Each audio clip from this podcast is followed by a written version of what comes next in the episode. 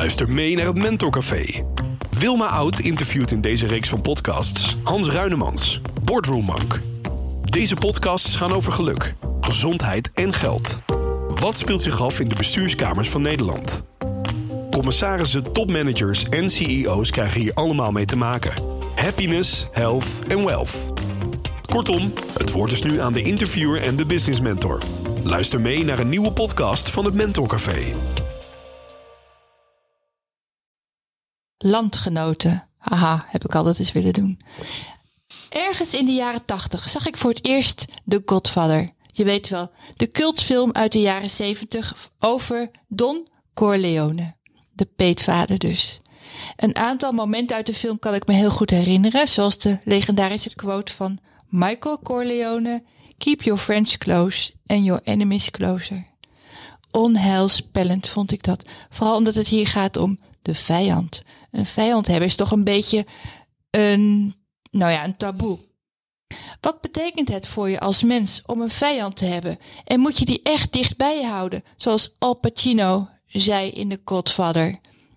Dit is onze 24ste podcast, luisteraar. Buiten is het guur of onguur. Eh, is maar net wat je wil. En ik vraag aan Hans Ruinemans, Boordroemonk, hoe je om moet gaan met je vijand. Hans, ik geef jou het woord.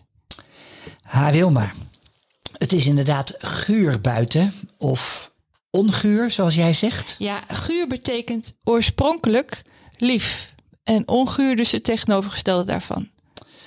Oh, nou dat sluit dan weer aan bij jouw vraag van deze week, namelijk... Namelijk, hoe ga je om met je vijand? Ja. ja, je zei terecht dat het hebben van een vijand een beetje een taboe is. Als we het hebben over een vijand, dan is dat meestal of abstract of algemeen bedoeld. Ja, abstract omdat de vijand uh, non-figuratief is. Ja, of ongrijpbaar. Kijk, je kan bijvoorbeeld zeggen: ik heb een te hoog cholesterol, dan is dat je vijand. Ja, China is onze vijand. Bijvoorbeeld ongrijpbaar en ook nog makkelijk. In mijn opinie is China geen vijand, maar dat is weer een ander onderwerp. Maar een vijand is niet abstract en algemeen. Zo is het.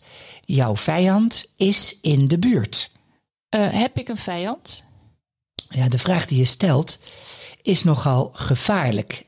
Je weet het kennelijk niet. En daarin zit nou juist het gevaar. Ik verwijs maar even naar El Pacino. Keep your enemies closer. Je moet weten dat het hebben van een vijand nogal eens wordt onderschat door mensen.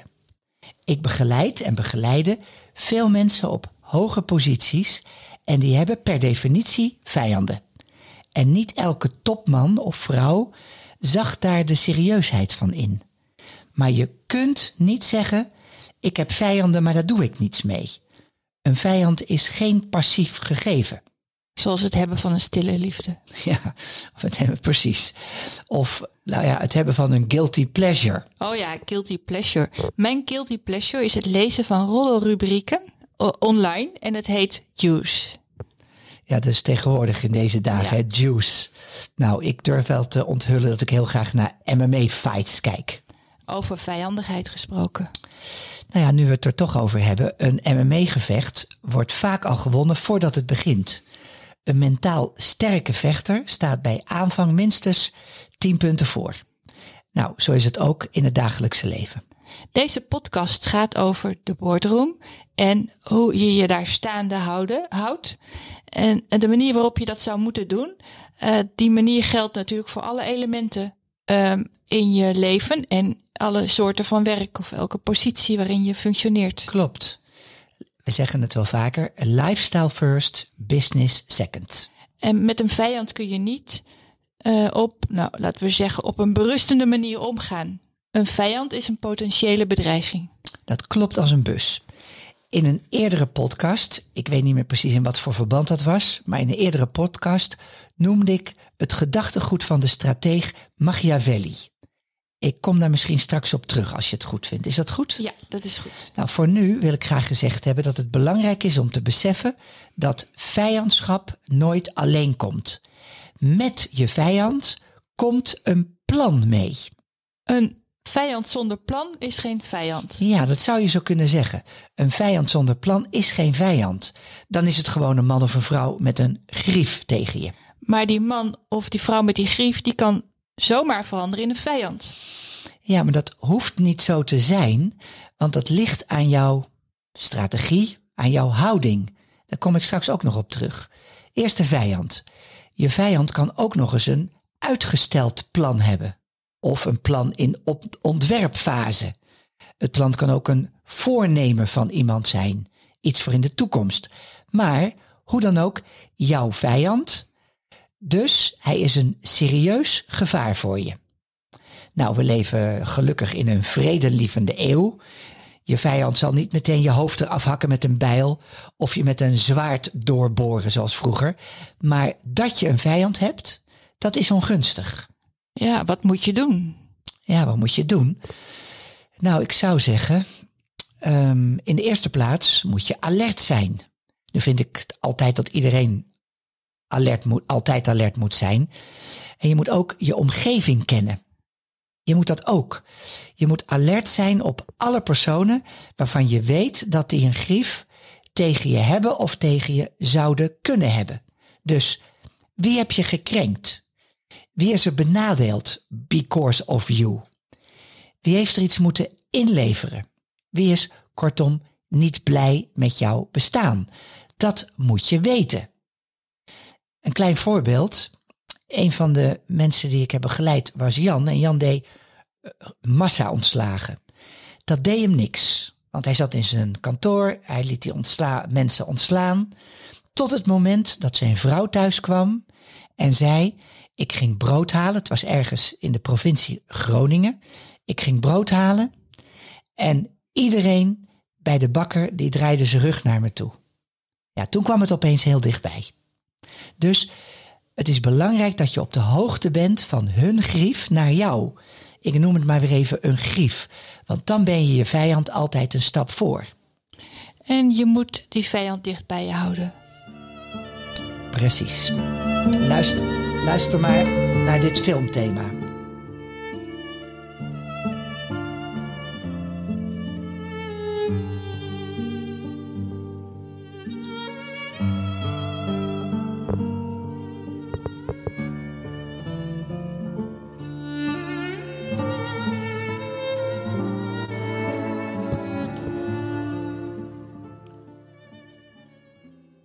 Ja, dit was een stukje uit de film The Godfather. ik refereer maar even aan de beginquote van je. Keep your friends close and your enemies closer. In deze quote zit een dieper element. Het ligt voor de hand om dit te zien als je moet je vijanden in de smiezen houden. Dat klopt natuurlijk. Maar het gaat verder. De truc is om je constant bewust te zijn van wie je vijanden zijn. En deze kennis nooit aan hen te onthullen. Dus je vijand moet niet weten dat jij hem of haar als vijand herkent. Je acteert dus totale argeloosheid en je creëert op die manier een veld van neutraliteit. En heel belangrijk, je vijand moet ook niet weten dat jij op jouw beurt de vijand bent, als dat al zo is.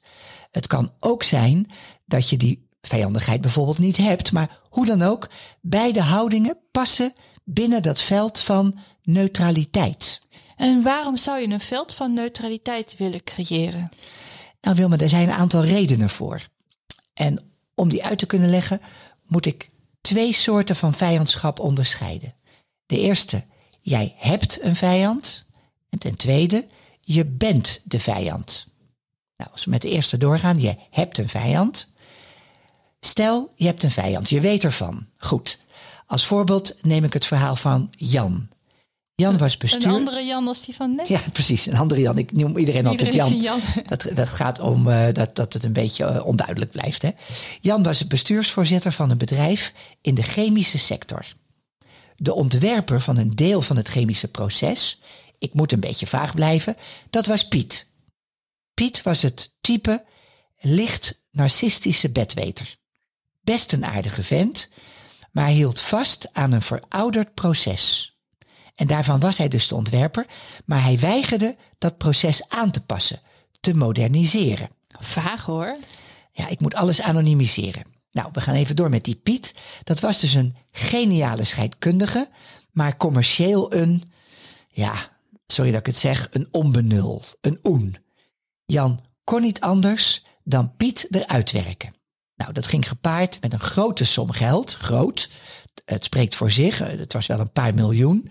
En met een concurrentieclausule en per ongeluk, zet ik tussen aanhalingstekens, met het overdragen van zijn intellectueel eigendom. En Pietie had zich verkeken. Hij bleek getekend te hebben voor zo ongeveer zijn eigen intellectuele dood. Het enige dat hij kon, chemische processen ontwerpen, in alleen maar die specifieke industrie, dat kon hij niet meer doen zonder contractbreuk te plegen. En daarmee was Piet de vijand van Jan. En Jan, want we hadden het over dat je zeg maar de uh, vijand uh, hebt. Uh, moet kennen ook. Moet, moet, kennen, ja. En Jan die was daar zich bijzonder goed van bewust. Zelf was hij niet de vijand van Piet. Dat proces had zich al voltrokken in de laatste periode tot aan zijn vertrek. En wat deed Jan? Jan deed wat ik zojuist uitlegde. Hij creëerde een veld van neutraliteit. En dat deed hij door in de gangen van het concern en in de bestuurskamer alleen maar met respect over Piet te spreken. In interviews voor vakbladen, die had hij, en ze noemen nu en dan in zo'n Groningse regionale krant, in interviews sprak hij over Piet met alle lof.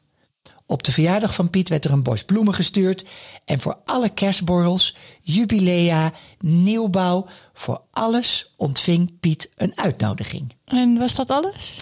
Nee, zeker niet. Ik moet er even bij zeggen dat zoiets betrekkelijk weinig werk is.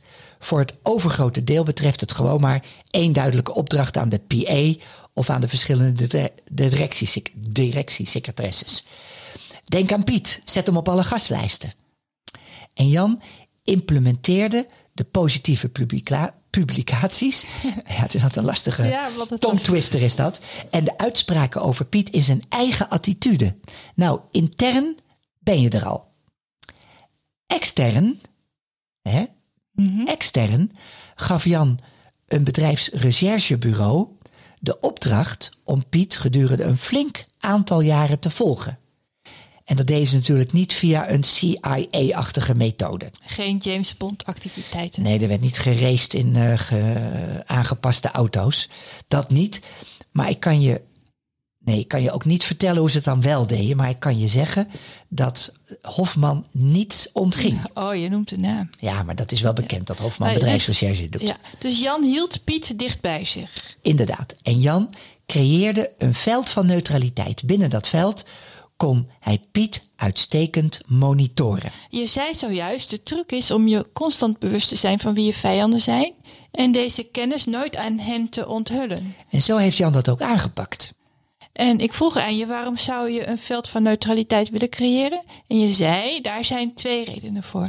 Ja, dat zei ik, uh, twee of een aantal redenen. Maar in deze podcast uh, hou ik het even bij twee. Oké, twee redenen. De eerste was, je hebt een vijand. Als dat zo is, dan creëer je een veld van neutraliteit, omdat je zo je vijand dicht bij je kunt houden. Klopt, precies. Je kunt hem of haar dan monitoren en je kunt de daad van vijandigheid zien aankomen. Superbelangrijk. En bovendien, dat heb ik nog niet gezegd, maar dat is een logisch gevolg. De vijandigheid wordt op die manier ook niet gevoed. Het trekt weg. Het neutraliseert zelf ook. De tweede reden voor zo'n veld van neutraliteit is, je bent de vijand, dat zei je. Ja, je houdt het tempo er lekker in. Je hebt helemaal gelijk. Nou, zo kom ik vanzelf bij mijn held Machiavelli. Hoewel, held moet je niet te zwaar opvatten. Ik heb op mijn werkkamer geen meters uh, groot borstbeeld van Machiavelli staan. En je moet zo'n historisch figuur ook zien tegen de achtergrond van zijn eigen tijd. Precies. Maar laten we er eens van uitgaan dat je de vijand bent. Ja, oké. Elk verhaal heeft minstens twee kanten. We kennen het verhaal van Jan, maar nu verplaatsen we ons even in het verhaal van Piet, in Piet zelf. Nou, Piet, hè, dat is een scheikundig genie en tegelijkertijd ook een echte nerd, zoals dat heet. Hij heeft een proces ontworpen voor dat chemische concern. Daarin zit jaren denkwerk. Maar in die jaren heeft Piet ook talloze prototypes ontworpen, vaak via computermodellen. De uren zijn niet te tellen. Het proces is zijn verdienste en het bracht dat concern veel geld op, maar na enige tijd wilde men het aangepast hebben. Piet was het daar niet mee eens, en dat komt wel vaker voor, maar het was commercieel gezien niet handig en toen werd Pieter uitgewerkt met een wurgcontract. We luisteren even naar een soundtrack van Lord of War.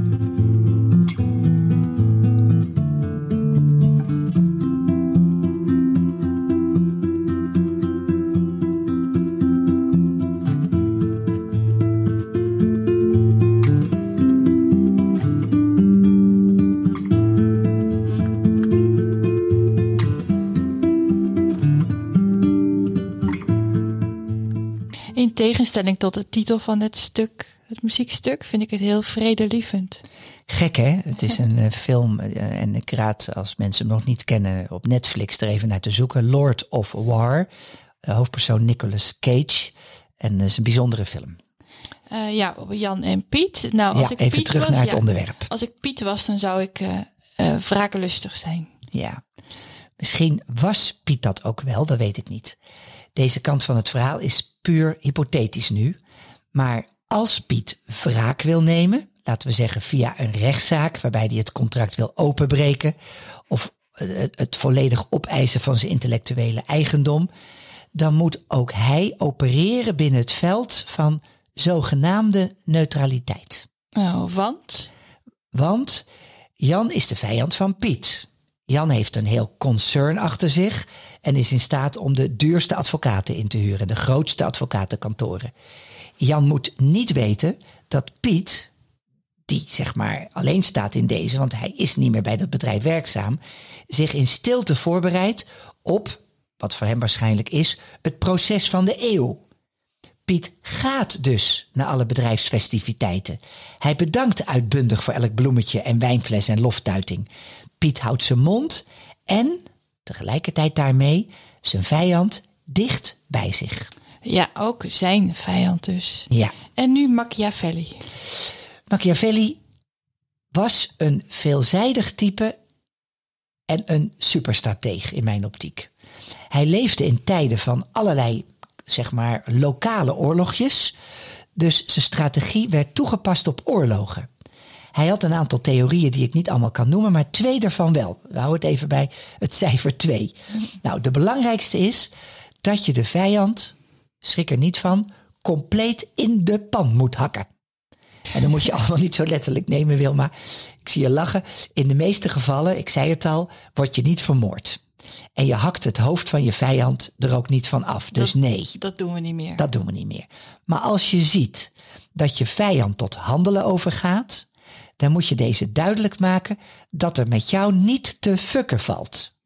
En bij voorkeur doe je dat bij de eerste voortekenen dat hij of zij tot actie overgaat, als hij dat doet. Nou, dat moet je tegelijkertijd dan beheerst doen. Ik merk soms dat mensen enorm in die emotie blijven zitten, maar doe dat beheerst, fatsoenlijk en vanuit rust. Handel altijd vanuit rust. Altijd. En als de vijand dan eh, niet geïntimideerd is door jou en toch tot handelen overgaat? Ja, dan ligt het voor de hand om nu te denken in termen als rechtszaken en advocaten. Dat hoeft helemaal niet. In het voortraject is er nog ontzettend veel winst te behalen. En als ik zeg winst, dan bedoel ik ook winst. Maar welke strategische weg je ook kiest, en of het nu wel of niet een rechtszaak wordt, bij het aangaan van het gevecht geef je niets weg.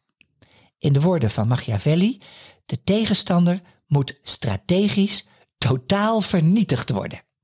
Je zei zojuist, de man of vrouw die iets tegen je heeft, je potentiële vijand, die hoeft niet per se tot handelen over te gaan. Ik zei volgens mij dat niet iedereen met een grief tegen jou zich ook daadwerkelijk tegen je zal keren. Dat ligt aan je houding. Dat klopt. Het bij je houden, dicht bij je houden van je vijand, kan ertoe leiden dat het gif met der tijd verdampt. De vijand wordt ouder, ziek misschien, of hij of zij komt tot bezinning, vindt het leven weer leuk. En jij, jij bent nooit weg geweest uit zijn of haar omgeving. En er wordt weer samen geproost. De vijand is de vijand niet meer. Tot op zekere hoogte. De vijand slaapt nooit. Samengevat? Ja, het is best wel pittig en misschien ook een beetje tegen de gevestigde conventies uh, in. Maar ik kan je zeggen, dat is nog geen samenvatting, maar ik kan je zeggen dat het in de boardrooms heel vaak voorkomt dat mensen vijanden hebben. Dat mensen worden bedreigd. Dat de politie uh, zegt, uh, er moeten nu echt bodyguards komen. Die lopen mee. Dat weet soms het personeel niet eens. Uh, huizen worden van, van verlichting voorzien. Dat als mensen in de buurt komen, dan springen de lampen aan. Soms zijn er hotlines.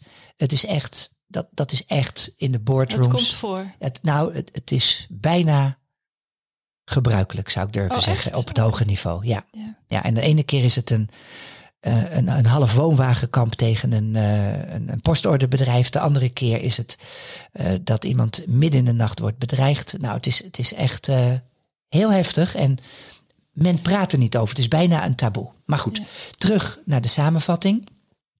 Ehm, keep your enemies close.